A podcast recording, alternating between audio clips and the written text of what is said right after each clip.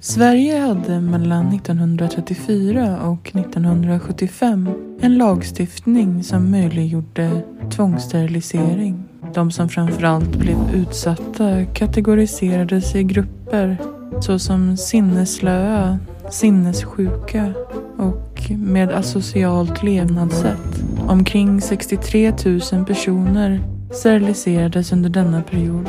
Ungefär hälften av dessa genomfördes via tvång och de flesta var kvinnor. Även minoriteter och befolkningsgrupper såsom samer och romer blev utsatta. Fram till 2013 var personer som utförde könskorrigering också tvungna att sterilisera sig. Vad för idéer låg bakom lagstiftningen? Vilka röster och argument hördes i debatten? Och hur förändrades tillämpningen genom åren? Gästar Moderna Tider gör Maja Runsis.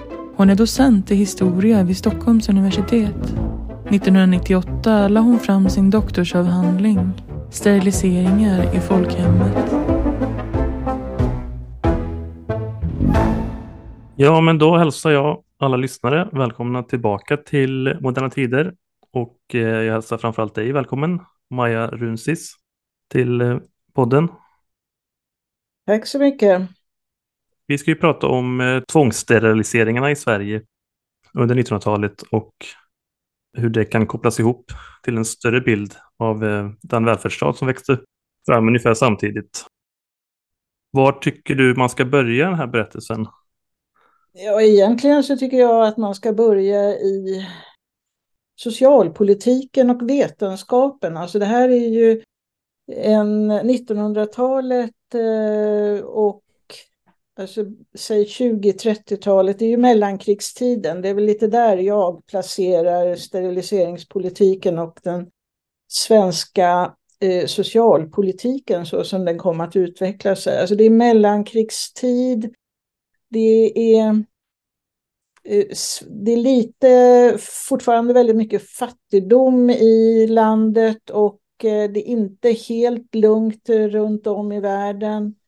Men man vill ändå blicka framåt för det är mycket som är i rörelse vid den här tiden. Och eh, likaså vetenskapen, psykologin håller på att utvecklas, psykiatrin och pedagogiken med skola och, och sådana saker. Så att man får en, vad ska man säga, mera socialpolitisk, eh, eh, socialpolitiskt verktyg att kontrollera människor.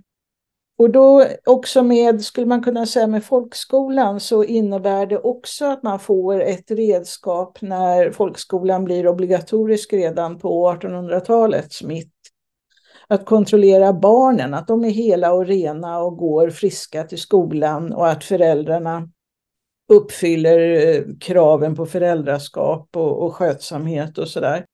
Så att det börjar ju lite grann med att man kontrollerar människorna i samhället, man vill skapa ordning och reda, man eh, eftersträvar skötsamhet. För det är ju också sådär när det är fattigdom och trångboddhet så försöker man ju hitta lösningar på problemen. Och det är ju det vid 20-30-talet.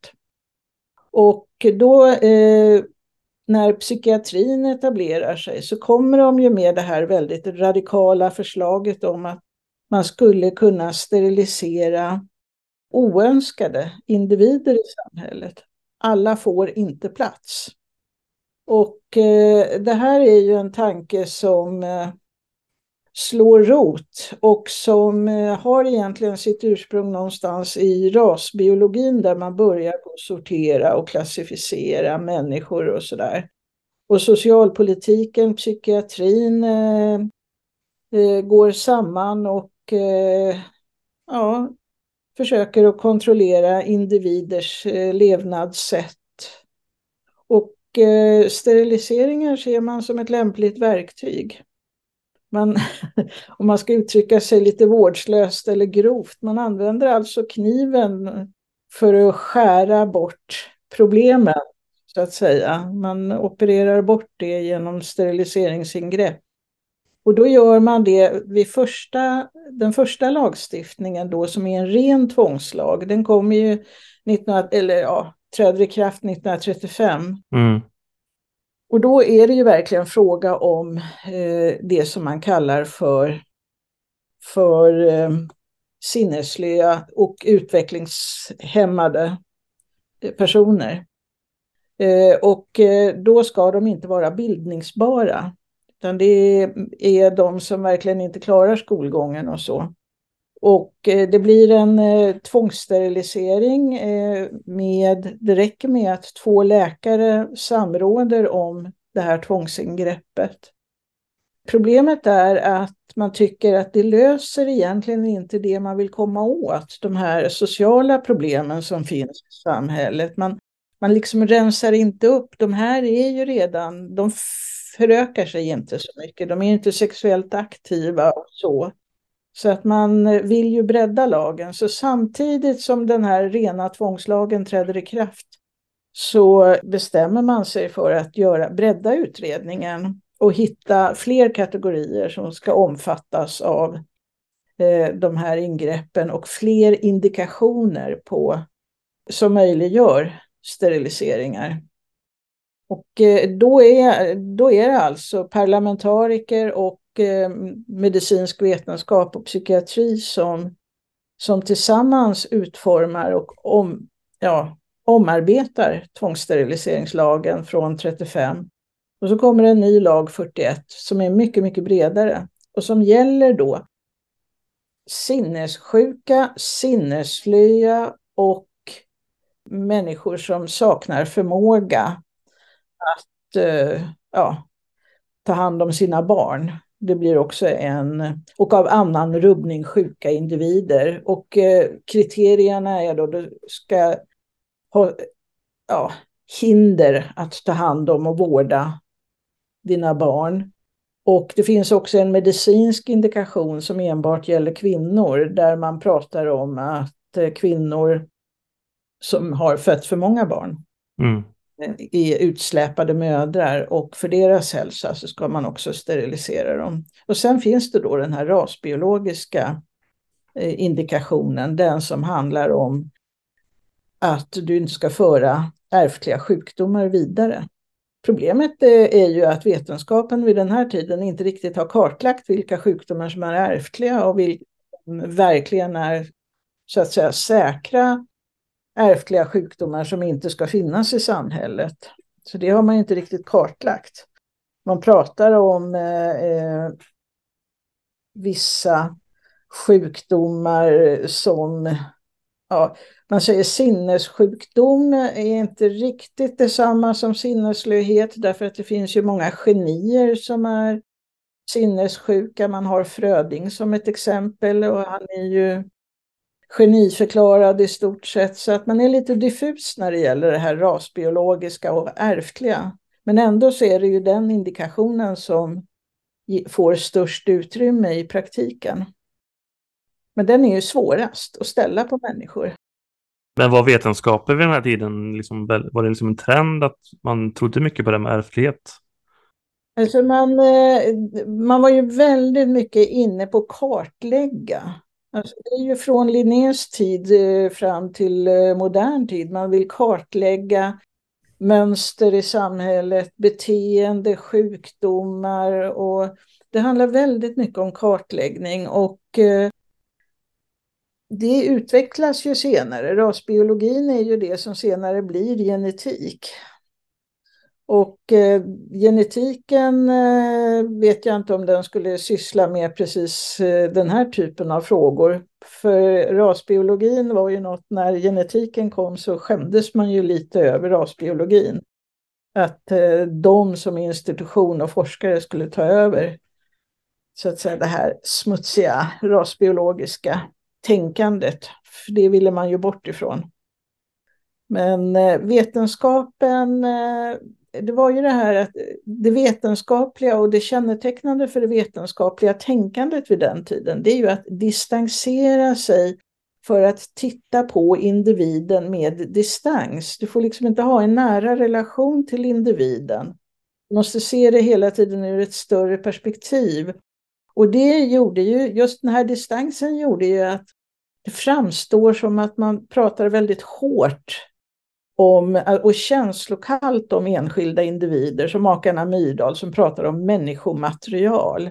Det är liksom som en produkt eller någon forskningsprocess som är på gång. Att man ska hålla sig distanserad så att man inte blandar in känslor. Mm, så det där är någonting som kommer att känneteckna framförallt 30-talet, att man får en väldig distans till individerna och man ska se det utifrån det här vetenskapliga samhälleliga perspektivet. Så blir då individen ett objekt och inte en aktivt handlande person eller individ. För det är, börjar man se på människor som individer och subjekt så blandar man in känslor och då förblir man ju ovetenskaplig.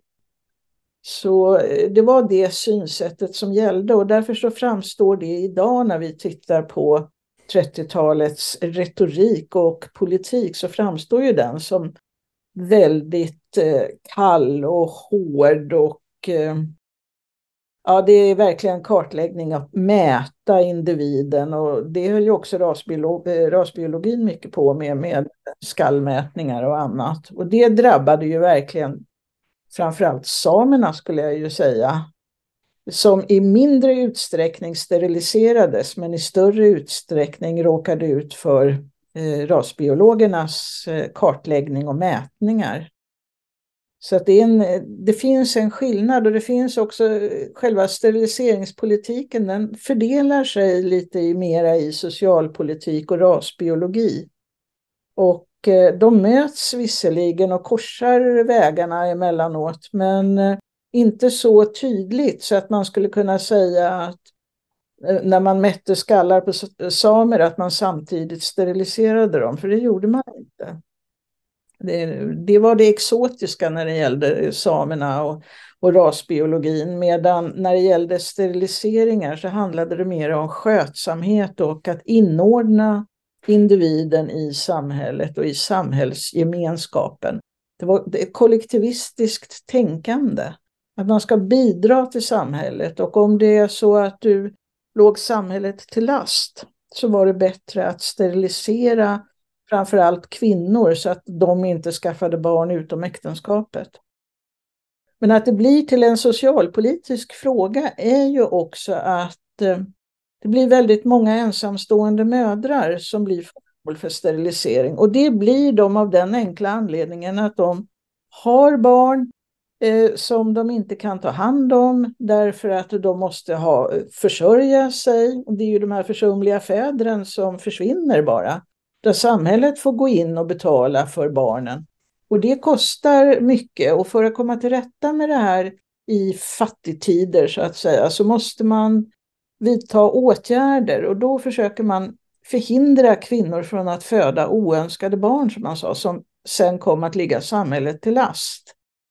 Och det är då som eh, i stor utsträckning rasbiologin och eh, steriliseringspolitiken övergår till att bli ett verktyg i socialpolitiken och i välfärdsstaterna. Så att när man skapar reformer som barnbidrag och sådär, då kommer det upp eh, diskussioner om att ja, men då måste ju vi masssterilisera kvinnorna för att annars så, om vi betalar ut barnbidraget till kvinnorna, då kommer ju de att föda barn för att få pengar från kommunen och staten. Så att man såg det som också ekonomiskt perspektiv. Så att det där var, eh, det, det kom att bli som en del i de sociala reformerna. Då skulle de ha någon typ av motprestation. Motprestationen för att få bidrag, för att få moderskap, moderskapspenning och så vidare, det var att visa skötsamhet och inte skaffa fler barn med fler män eller så. För männen är ju de som blir ganska osynliga i den här politiken. Mm. Det må vara läkare men inte inte bland de som steriliseras, där är ju majoriteten kvinnor. Men jag tänkte på det, hur unika var de här lagarna för Sverige eller fanns det inspiration från andra länder?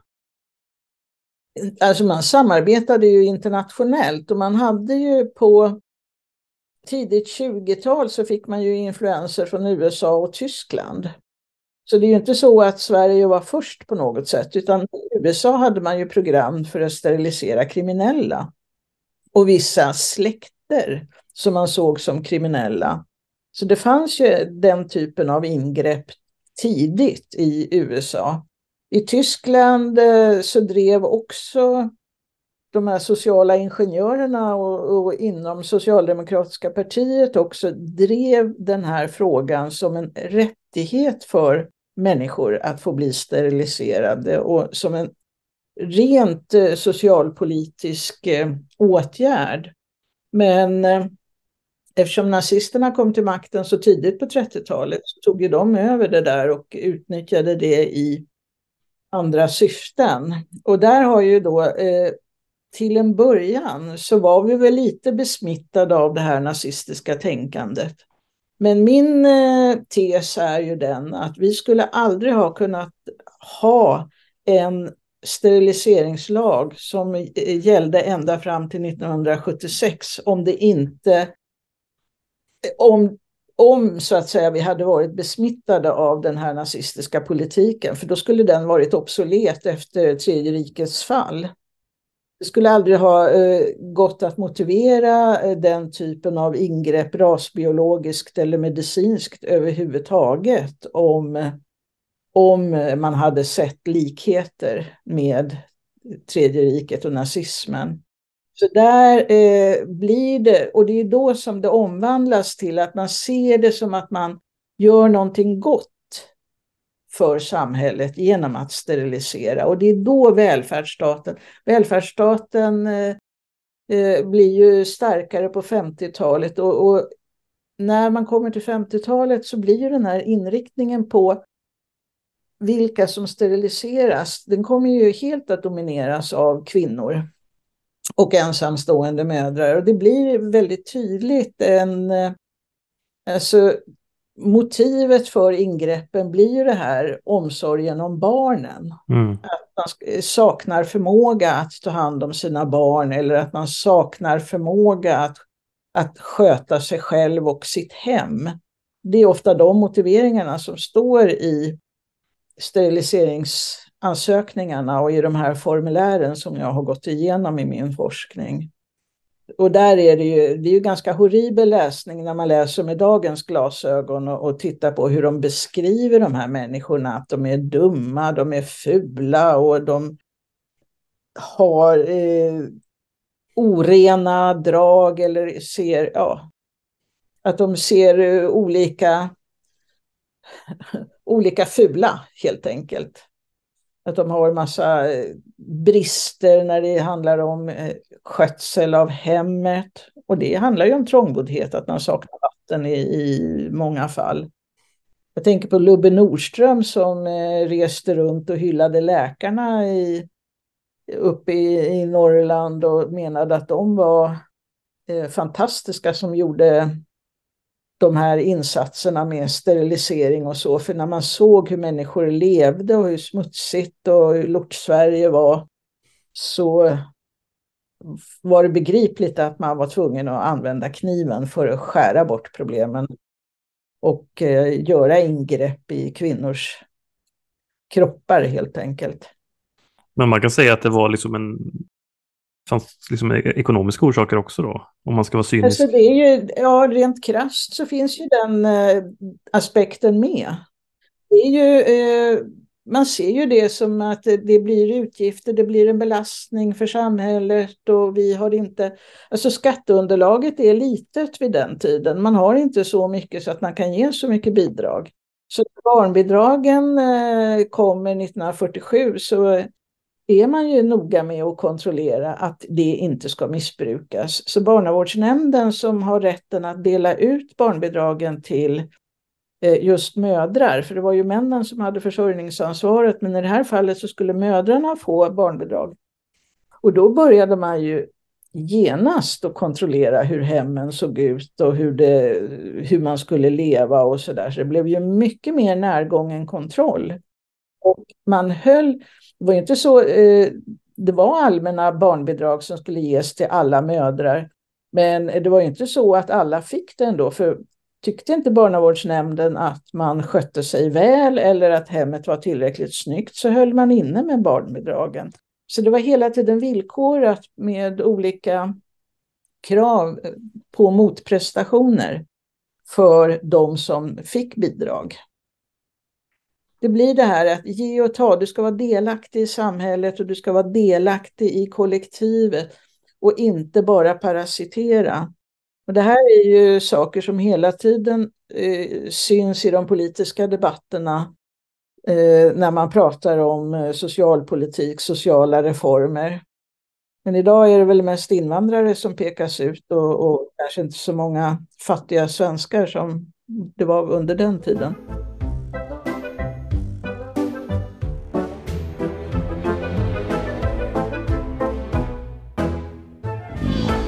Jag tänkte på när de här idéerna började liksom komma fram. Eh, rådde det liksom konsensus, liksom både vetenskapligt och politiskt? Eller fanns det någon, några kritiska röster i Sverige? Ja, eh, det fanns det. Och det märkliga är ju faktiskt att eh, eh de kritiska rösterna fanns eh, bland några väldigt radikala liberaler som Eh, Eh, senare också eh, sympatiserade med nazismen. De menade att staten hade aldrig rätt att eh, skära i människors kroppar. Staten skulle aldrig ta sig den rätten utan individens medgivande. Men de rösterna försvann ju ganska fort och de eh, eh, var tidiga i debatten skulle jag vilja säga. Det var ju så här i mitten på 30-talet som det fanns en och annan som uttryckte att eh, ja, den här liberala, radikalt liberala åsikten att staten eh, får aldrig göra eh, fysiska ingrepp på enskilda individer oavsett anledning. Eh, I övrigt så var man ju enig, men utifrån olika perspektiv. Alltså, eh, man kan väl säga att socialdemokratin var ju den som eh, mer ägnade sig åt det kvantitativa, att eh, skapa ett gott samhälle som skulle vara till för alla och då var det viktigt att plocka bort det som stack ut och det som inte fick plats. Mm. Eh, medan man kan säga att högern och bondeförbundet var väldigt intresserade av det rasbiologiska och det nationalistiska, helsvenska, homogena samhället. Det var det man ville stödja. Så att på det sättet så kan man säga att det var kvantitet eh, som stod mot kvalitet för att hårdra det hela då där kvaliteten handlade om rasbiologi och den rena rasen medan det kvantitativa handlade om att vi inte skulle ha för många bidragstagare och vi måste tänka ekonomiskt och att få människor att delta i samhällsbygget. Så skötsamheten var viktigare för eh, socialdemokratin kan man säga. Men annars rådde det ju en enighet i, i riksdagen. Och även i samhällsdebatten i stort, eller var inget, i pressen eh, fanns, ingen, fanns inga kritiska röster och så heller? Nej, tvärtom. Eftersom Lubbe Nordström eh, hade ju sin radioserie så var det ju väldigt många som följde Lubbe Nordström i, i hans spår och skrev om, om Lort-Sverige och vilka åtgärder som var viktiga att vidta. Trångboddheten måste bort.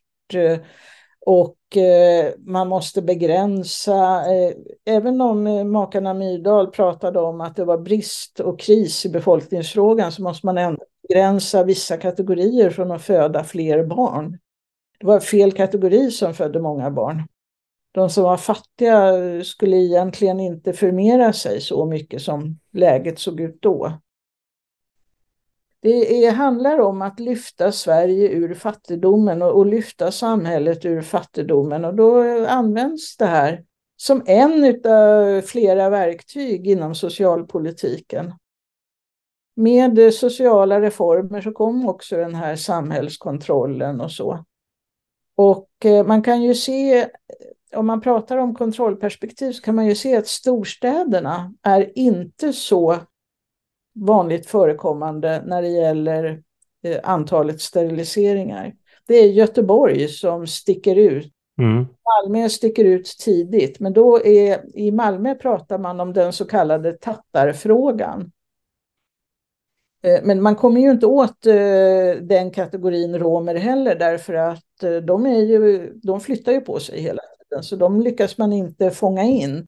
Men eh, tidningarna debatterar väldigt mycket det som man kallar för tattarplågan och eh, att eh, de förstör samhället och att man måste vidta åtgärder gentemot dem. Och där finns det också motioner i riksdagen som kommer ifrån Malmö om tvångssterilisera så kallade tattare. Medan eh, i Göteborg så råder det Eh, där finns ju då de främsta forskarna på rasbiologi, så där är det då läkare och eh, fattigvårdsnämndens ordförande och eh, flera ledande gestalter inom rasbiologin och socialpolitiken kan man säga som också bidrar till att Göteborg sticker ut när det gäller steriliseringar. För de har flera ungdomsvårdsanstalter dit eh, barn ifrån hela landet skickas. Exempelvis Stretereds eh, ungdomsvårdsskola och, och, så. Och där är det ju, sker det ju masssteriliseringar i samband med att de slutar skolan. Så steriliserar man både pojkar och flickor. Så att eh, de sticker ut, men senare så är det då mest glesbygden faktiskt som eh, har flest antal ingrepp. Och, och det tyder ju på att det är starkare social kontroll i glesbygden. Det är fattigare kommuner också. De har inte ja, de har inte de här intäkterna för att uh, kunna stödja människor på det viset. Och ibland så träder faktiskt prästerna in. Prästerna är ju både de som anmäler men också beskyddar uh, invånarna i, ett lite, i en liten socken eller en liten by. Där de både hjälper de fattiga men också anmäler barn om de inte klarar av konfirmationsundervisningen. Så att det är ganska stränga krav på samhället vid den tiden, på individerna i samhället.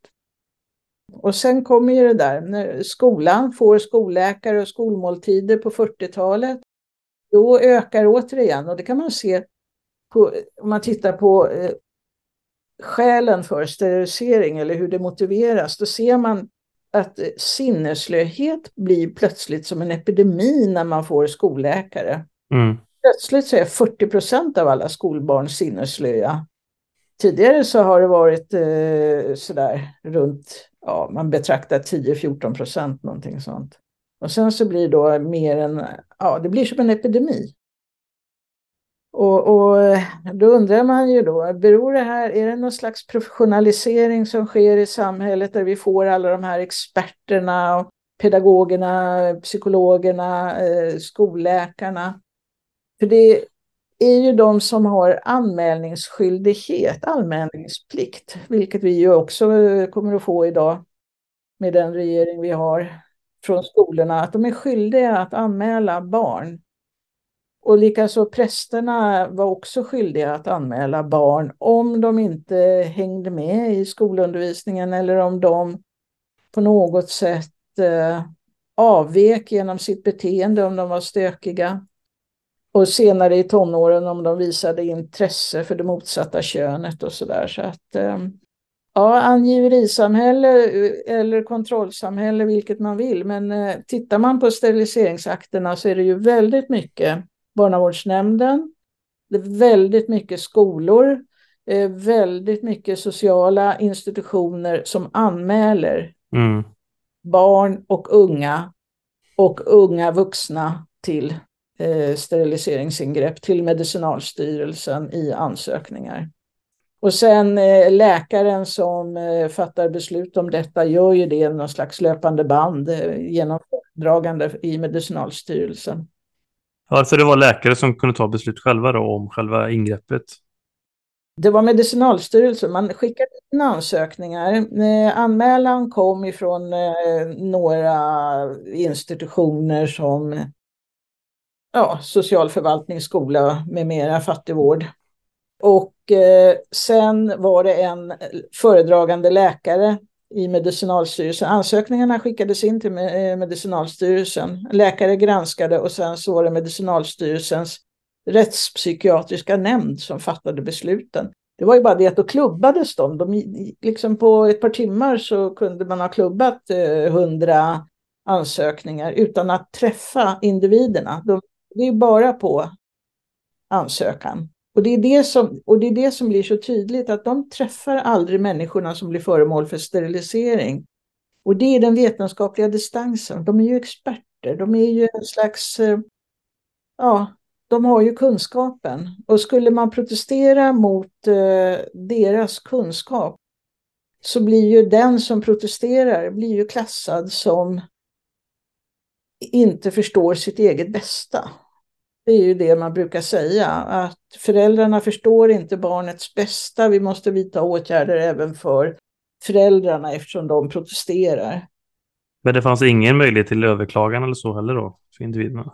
Om, eh, nej, det fanns ju överklagan eh, om du inte skulle bli steriliserad. Då kunde du överklaga, men du hade inte rätt att överklaga ett ingrepp.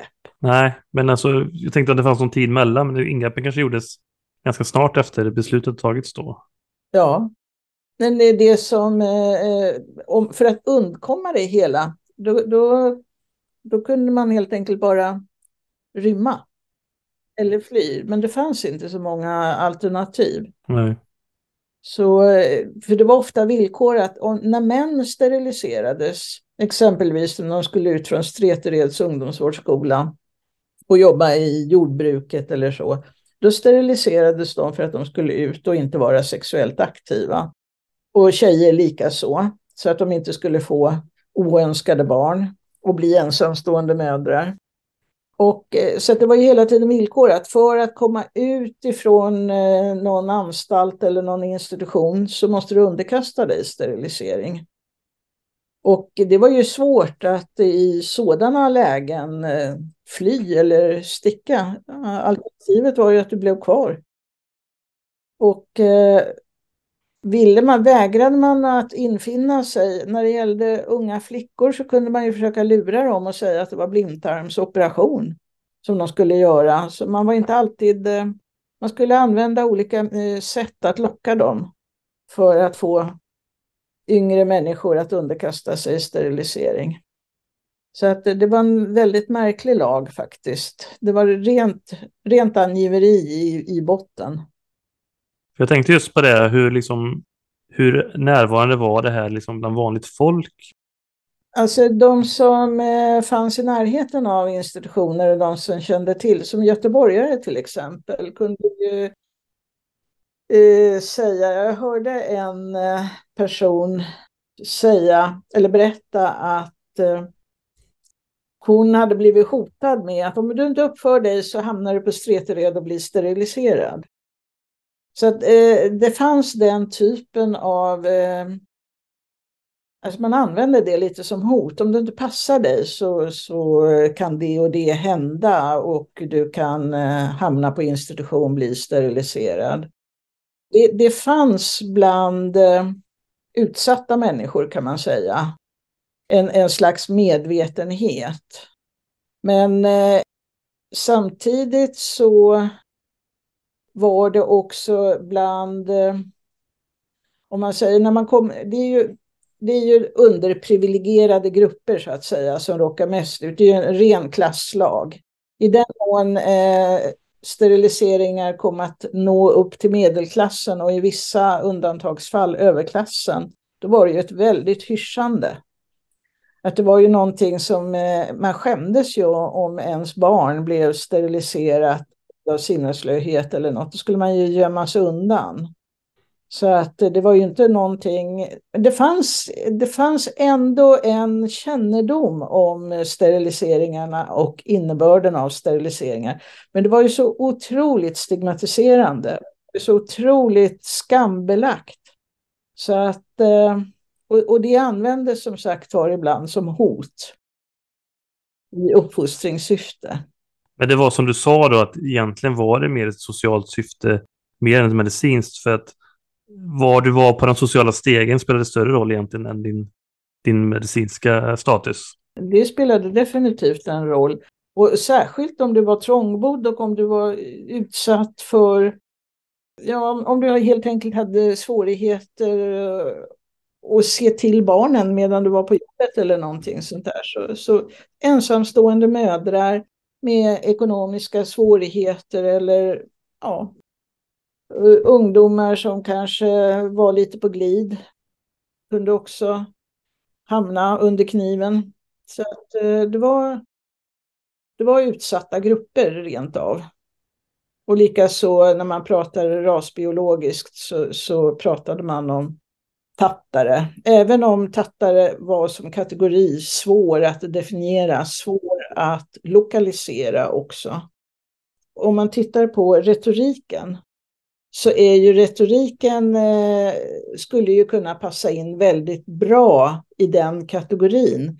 Men det sägs inte rent ut att det är på grund av rasen, utan då är det på grund av levnadssättet och den sociala misären som romer skulle då bli steriliserade. Så att de är inte, de är inte helt tydliga att eh, sortera ut bland ansökningarna idag. Men minskar den liksom rasfaktorn, minskar den efter andra världskriget? Ja, man, använder ju, eh, man använder ju den här eugeniska, eugeniska, eugeniska, hur den uttalas då, indikationen, rasbiologiska indikationen. Alltså man använder ju den fram till 50-talet sådär, därför att man säger ju att social, sociala miljöer är ju smittsamma. Alltså även där finns det ju det här arvshygieniska perspektivet att du ärver negativa sociala miljöer. Och det var ju Skå-Gustav bland annat som förde fram eh, den typen av teorier och sådär. Så att man ville bli av med fattigdom, man ville bli av med eh, trångboddhet och, och sådär. Och då pratade man om negativa sociala miljöer. Och det blev en rasbiologisk eller arvshygienisk eh, indikation. Så att det, och det användes oftast använder man ju båda. Social indikation, det vill säga oförmåga att ta hand om sina barn, eller rasbiologiska, eh, att eh, du lever i social misär och detta kan föras vidare till barnen och, och så. Och det ska utrotas på något sätt.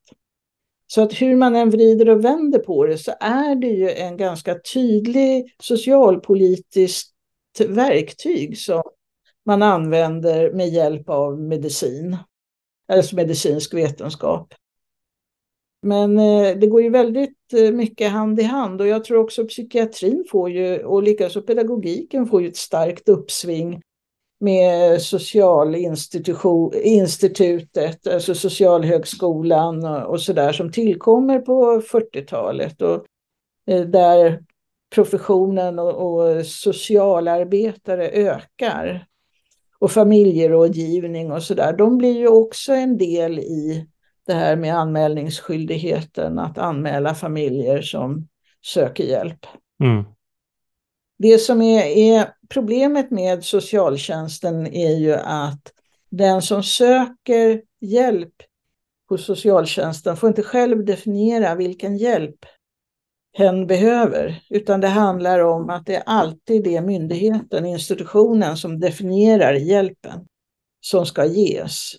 Och där blir det en diskrepans. Så att om du söker hjälp på grund av eh, ekonomiskt svårt läge eller någonting sådär, då riskerar du ganska mycket.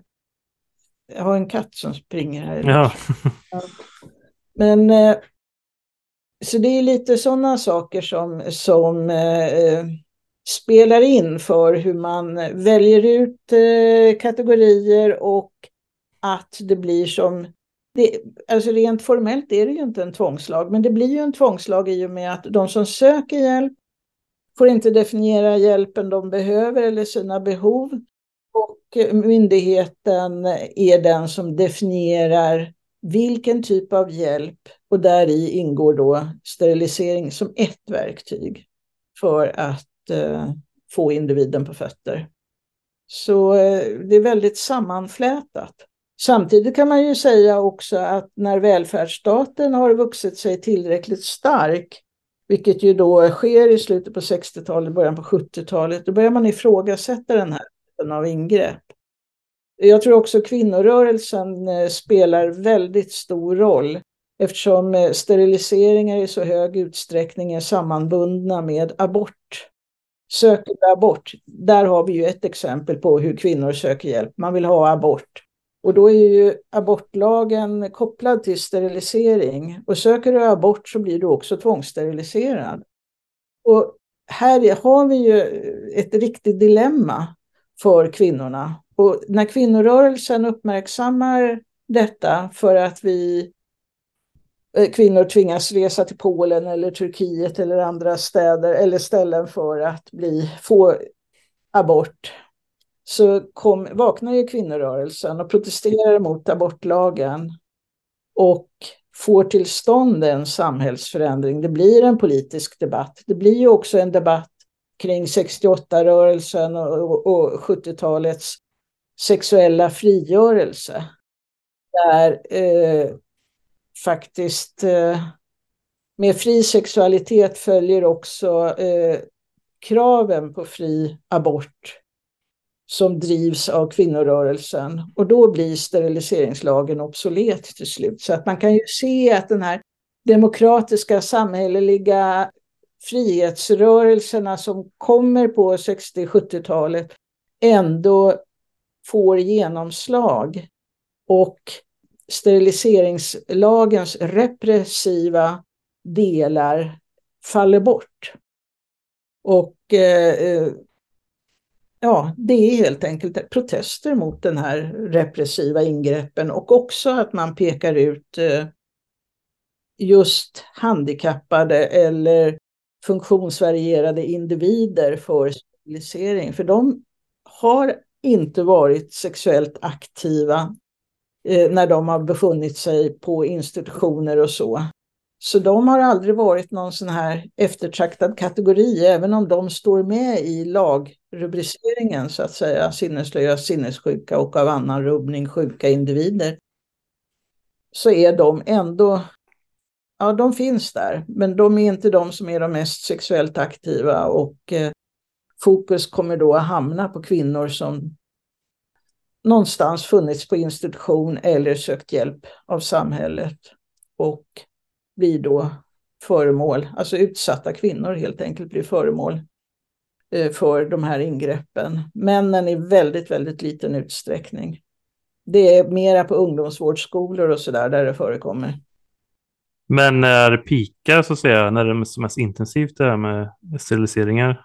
Det är faktiskt i samband med eh, att vi får allmän barnbidrag till kvinnor. Det är mellan 47 eh, och 51 kan man säga. Då pikar det. Då är det majoriteten kvinnor och väldigt stort antal kvinnor som steriliseras. Det rör sig mellan 1000 och 2000 årligen. Sen eh, ligger det ganska konstant eh, från mitten av, vi får ju en ny omsorgslag i mitten av 50-talet. Och då minskar också repressionen lite. Man börjar på pr prata mer om sociala inrättningar och det är då det kommer mycket såna här rådgivning och, och annat som ska hjälpa kvinnor. Mm. Uh, och uh, då blir det, alltså repressionen minskar med den nya omsorgslagen som kommer någon gång 1955 om jag inte missminner mig. Så att eh, ja, det blir gnutta mer frivilligt, fast det syns inte så mycket. Men om man tittar på steriliseringsutredningen och sådär så, så tror jag nog att de räknar med att frivilligheten eh, i steriliseringslagen kommer mot slutet av 50-talet och från 60-talet och framåt. Då räknar man inte lagen längre som en tvångslag. Fast jag har en annan, eh, jag tittar ändå från ett annat perspektiv för att det som händer med 60-talet är ju att kvinnor Alltså särskilt gifta kvinnor kan ju inte ansöka själva utan makes medgivande. Och det där är ju ett dilemma. Hur frivilligt är det då för kvinnor? Så att eh, jag är inte riktigt enig med den här steriliseringsutredningens resultat. Nej. För att eh, det var faktiskt eh, skamligt och eh, svårt för många kvinnor att ansöka om sterilisering och särskilt utsläpade mödrar när det sen blev det här mera frivilligheten. Att söka sterilisering och be sin make om att du måste godkänna det här. Men vad, vad byggde den idén på att maken var tvungen att, det att man skulle vara överens om att man inte skulle familjen, ha fler barn? Alltså, ja. Fortfarande familjen som är, är den starka enheten och eh, i, ja, det där är ju en genusfråga. Männen hade ju fortsatt mycket makt över familjen och ekonomin. Men vet man hur mycket, liksom, var det många män som sa nej då? Svårt att veta kanske? Det är jättesvårt att veta, för de syns ju inte. De finns ju inte med bland ansökningarna. Så att det kan man inte veta, men eh, ja. Det är i alla fall, tycker jag, en förnedring för att inte ha den självständigheten och kunna söka helt fritt.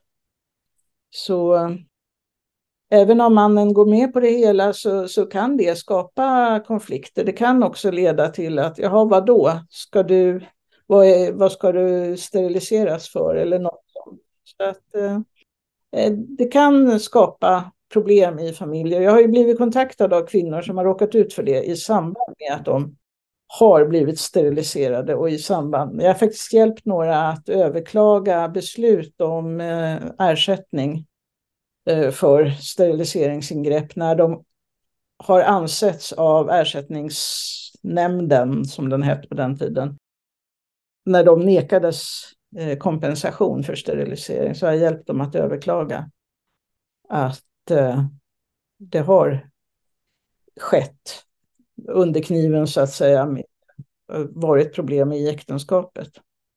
Man har försökt hitta belägg, men det har lyckats i en del fall och andra har inte lyckats.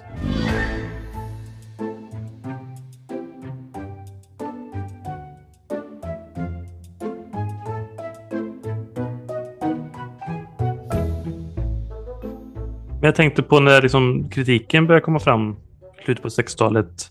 Eh, blir det en stor debatt om det då? Eller är det någonting som sker mer liksom på en byråkratisk nivå sen när man väl avskaffar det? Alltså Palme reser ju frågan i riksdagen. Men eh, får eh, riksdagen emot sig? Han vill ju ändra lagstiftningen men får riksdagen emot sig? För då har, man ju, då har ju synen och synsättet förändrats. Då ser man den ju inte som rasbiologiskt ingrepp utan man ser ju den som hjälp. Mm. Alltså, rent socialt till utsatta kvinnor. Det är så man betraktar lagstiftningen då, så att då vill man inte ändra på den. Palme tycker att den är obsolet i, i den moderna tid som eh, var på frammarsch eh, med ganska raska steg med 68-rörelsen och allt som skedde under den tiden. Men eh, det hände ingenting förrän abortlagstiftningen eh, försvann och det med hjälp av kvinnorörelsen skulle jag vilja säga. Det finns ju en del läkare som eh, Grünewald till exempel som hävdar att det berodde på hans skrivelser och sådär. Men de, de finns, men eh, jag tycker inte att de... Eh, det är en röst som inte hörs utåt utan det är en röst som hörs mer internt inom Medicinalstyrelsen och Socialstyrelsen. Men eh, det var inte någon specifik debatt i, i medierna så, utan det, det kom en och annan som klagade över att eh, vederbörande blivit steriliserad. Och att man ville ha tillbaka eh, sin fruktsamhet och så. När man blivit, ja, när vederbörande blivit steriliserad som ung eh, flickor som inte har förstått att de är steriliserade upptäcker när de går till gynekologen att de är steriliserade. Just eh, den kategorin hördes ibland på 60-70-talet. Men väldigt lite. Så det var inte någon allmän eh, debatt utåt. Det handlade mycket om eh, den fria sexualiteten och jag minns också att Skå-Gustav tyckte att det var bra att man kunde sterilisera raggartjejer så slapp de den här oron eh, eh, när de eh, exempelvis på ungdomsanstalter levde tillsammans med raggare. För då kunde pojkar och flickor blandas på samma, eh, samma institution. Alltså kunde ha könsblandade institutioner och inte delade institutioner. Så han tyckte det var en bra grej och, och att det hjälpte tjejerna så att säga. Så att eh, synsättet var helt annat. Man såg väl på de här tjejerna som att de var ut, utåtlevande eller utlevande i, i sin sexualitet och då skulle de få ägna sig åt det. För att vetenskapen hade inte ändrats egentligen så mycket Vetenskapen, nej, vetenskapen eh, hade gjort sitt så att säga. De hade fått den här lagstiftningen på plats och medicinalrådet eh, höll ju fortfarande distansen för de träffade ju fortfarande inte de som de fattade beslut om. Distansen fanns där, kniven fanns där och eh, däremot så förändrades ju samhällsmoralen. Man gick ju från eh, den här kristna moralen om synd och, och eh, att eh, det är synd att eh, skaffa barn utom äktenskapet och sådär.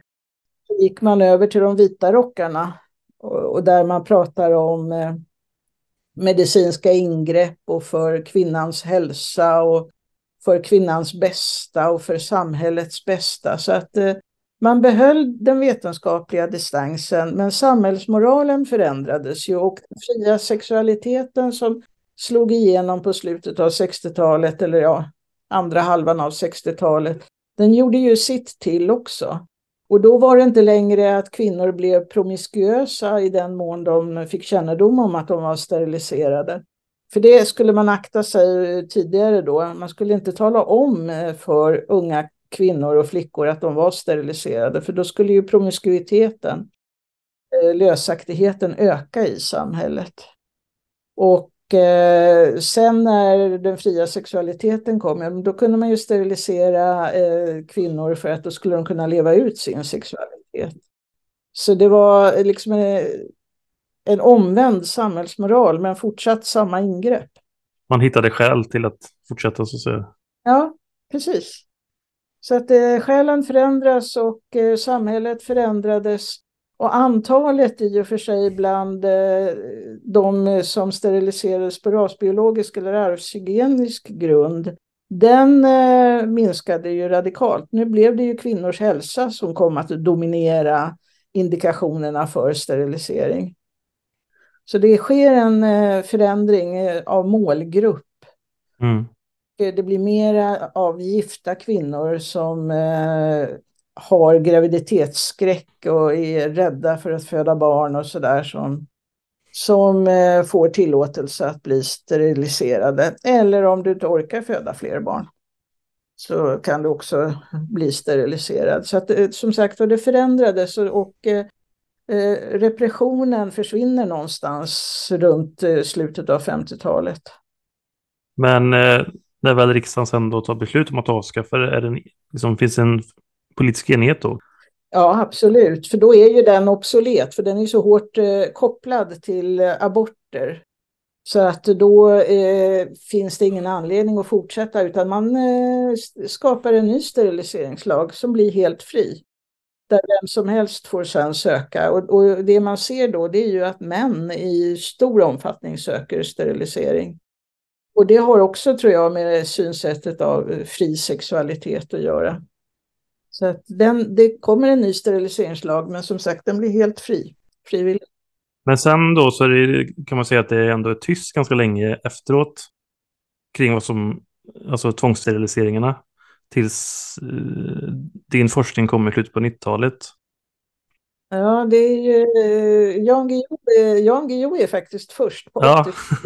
att prata. Det är rätt kul, han hade ju det här rekordmagasinet. Ja, mm ja, gjorde han ett program eh, om eh, eh, steriliseringslagen i Sverige? Och han eh, eh, drog ju den här parallellen, alltså jag har en bild eh, som sitter kvar på näthinnan där han eh, har den svenska flaggan tillsammans med den nazistiska. Och säger att detta gjorde Sverige samtidigt med Tyskland och så. Och så intervjuar han två bröder som är steriliserade och som aldrig har gift sig heller och som ja, betraktas förmodligen som lite eljest. Eh, och eh, det är ganska gulligt program egentligen, förutom att han eh, menar att eh, eh, Per Albin då är, tar efter nazistiska metoder och sådär. Så det, där klingar historiemedvetenheten ganska illa. Men de här bröderna, de pratar om hur de längtat efter fruar, men de har ju inga fruar. Då kan de heller inte få några barn. Va? Ja, men det skulle ju vara roligt att ha barn. Och, och, på något sätt så, så det som var det politiska budskapet där, det var ju att Sverige hade nazianstrukna, folkhemmet var nazianstruket. Och vi hade liknande metoder och idéer hämtade från Nazityskland. Och det väckte väl kanske ett visst uppseende. Men eh, jag är inte säker på att det blev någon mediedebatt efter det. Och sen kom ju då Bosse, vad heter han nu då? Bosse, Bosse Lindqvist med eh, radioprogrammet om läkarna som steriliserade. Han gjorde ju också en radioserie om detta, tror jag, 89 eller 90 eller någonting sånt där, som jag också lyssnade på som jag tyckte var där han ställde läkare till svars. Han intervjuade några läkare och eh, de där läkarna, de bara, ja men det var ju en annan tidsanda och du kan ju inte dra sådana slutsatser och bla bla så där och försvarade sig så att det blev lite, ja, det kändes lite obehagligt och det blev inte, ledde inte heller till någonting sånt där.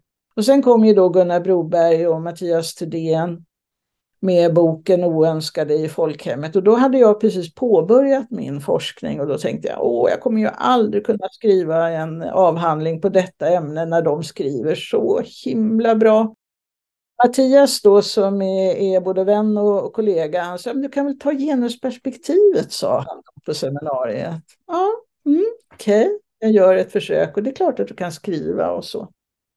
Och så kom det ju det här och då var det också lite på modet om man nu får prata om eh, vetenskapliga eh, trender på universitetet. Då var ju det här postmodernismen lite på modet och så. Och Foucault. Och, och eh, liksom sexualitetens historia, vansinnets historia, allt det som Foucault höll på med. Och då var det också, det var ganska givet att man kritiserade staten. Governmentality var ju på modet och det var lite där jag landade genom att landa i det här statliga perspektivet. Hur, hur var det bara möjligt? Jag var ju sosse. Hur kunde sosse-Sverige göra på detta viset? Det var liksom min fråga och, och, varför pekade de ut vissa människor? På vilka kriterier?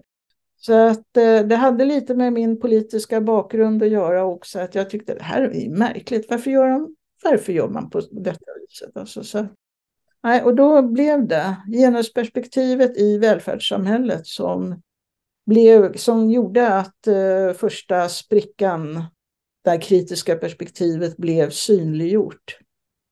Så att, eh, och det fick ju ett enormt genomslag med eh, statliga utredningar på varandra och så. så att, och det skulle det nog inte ha blivit om man hade hållit sig till det historiska perspektivet. För då var det lite, man vill inte blicka bakåt. Vad tror du att det beror på då?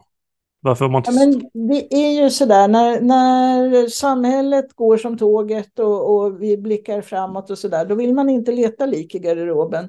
När det börjar på att gå eh, bakåt eller när det, liksom, samhället stagnerar och sådär, då söker man sig bakåt i historien och letar efter tryggheten på något sätt i traditioner och i traditionella mönster och rötter och, och så. Det gjorde man inte eh, alltså, tidigare då. Då blickade man bara framåt. Folkhemmet skulle hela tiden framåt utvecklas, moderniseras, det är nya reformer. Alltså framtidstron var ljus.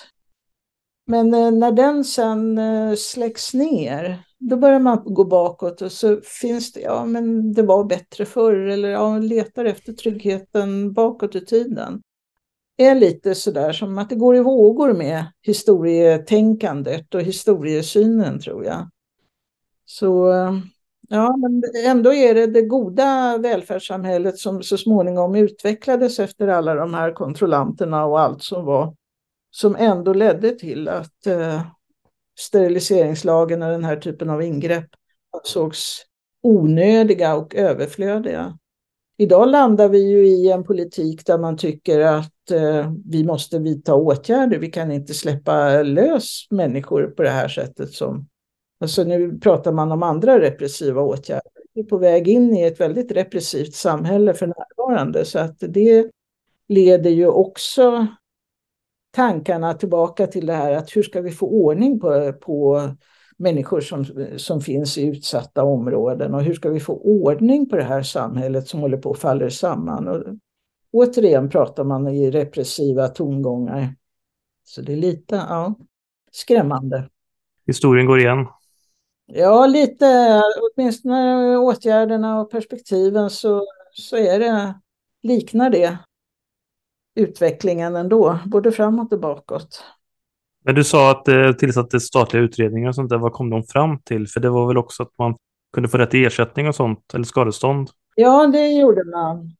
Man eh, menade då att eh, de här tvångssteriliseringarna hade ju ändå varit, även om lagen då inte uttryckligen sa att det var tvång, så, så kategoriserade man ju människor i bildbara och obildbara.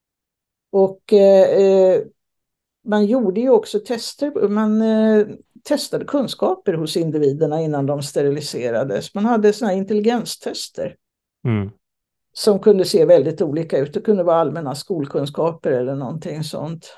Och eh, de låg till grund för huruvida du skulle betraktas som bildbar eller obildbar. Då satte man en gräns för intelligensen vid 12 år. Om du inte nådde över 12-årsgränsen då var det tillåtet att sterilisera med tvång. Och eftersom eh, det handlade om allmänna skolkunskaper så var det ju många, särskilt kvinnor som sökte abort, de kunde ju falla ur ramen. För de var ju ofta rädda, ängsliga, nervösa, grät mycket i samband med eh, de här besöken hos läkaren och, och familjerådgivningen och så. De hade inte så lätt att svara på de här frågorna.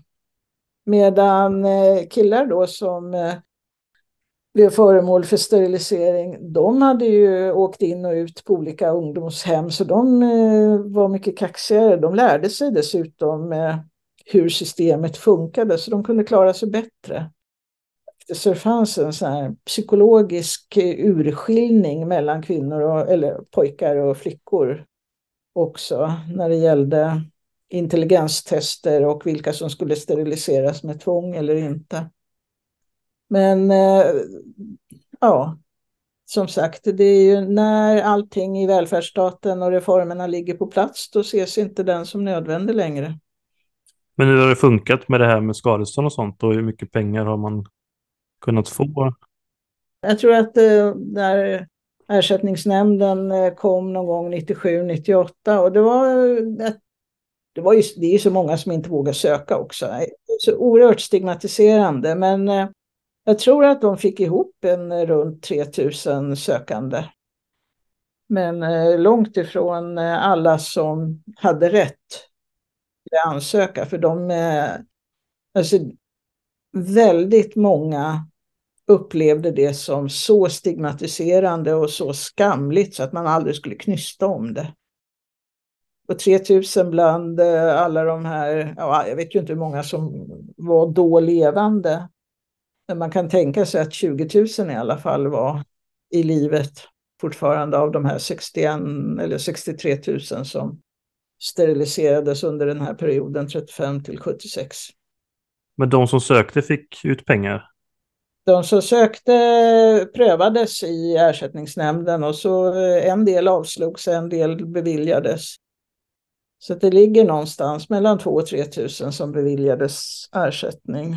Och de fick ett skadestånd på 175 000. Känns ju lite fattigt kanske med tanke ja, på... Ja, på den tiden så tror jag det var det största skadeståndet man eh, överhuvudtaget betalade ut till någon som för det här handlade ju om staten, alltså statens ansvar.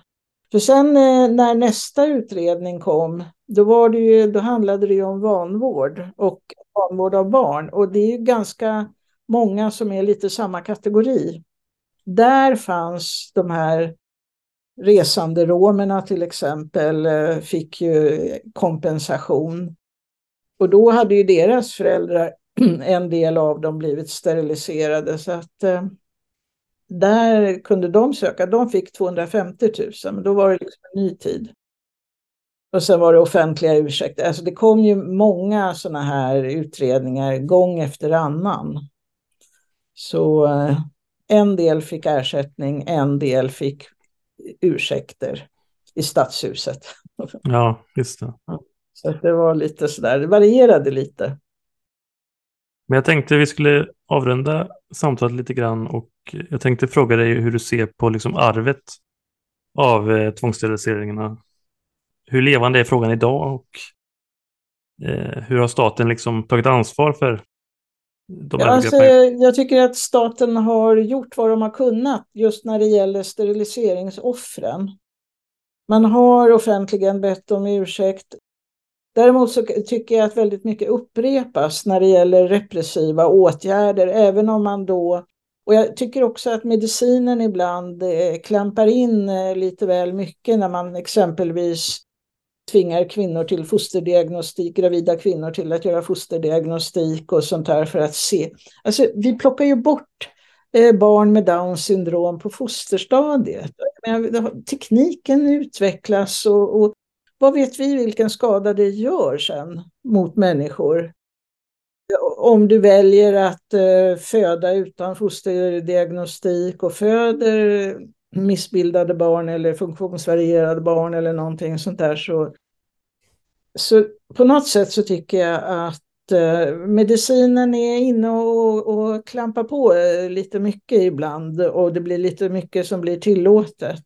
Så att eh, men är vi för okritiska också fortfarande, tycker du? Alltså det är ju alltid svårt att eh, se sin egen samtid. Det är ju först i efterhand som man kan eh, granska den kritiskt, åtminstone jag.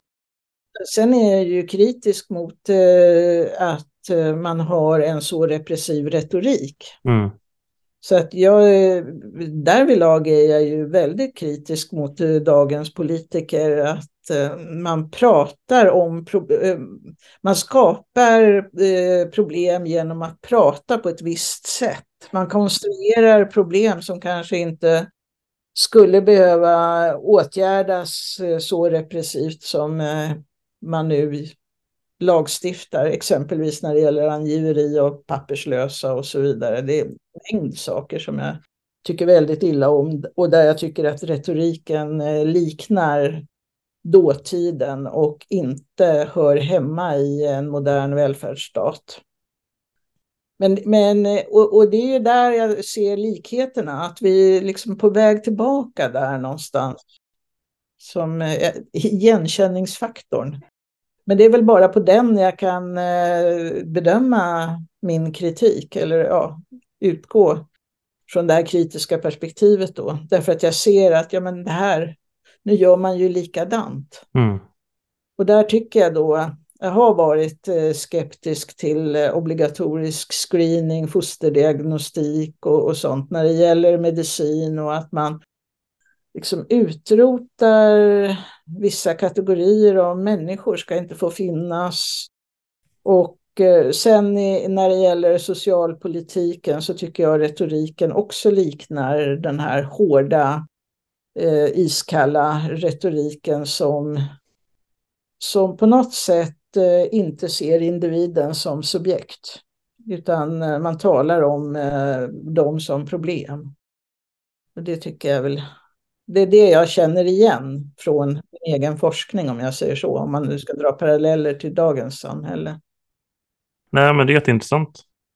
Men eh, med de orden tackar jag dig, Maja Runsis, för medverkan. Ja, då får jag tacka. Du har hört ett avsnitt av Moderna Tider. Gäst var Maja Rundsis. Programledare och klippning Stefan Hjalmarsson. Speaker Matilda Säv.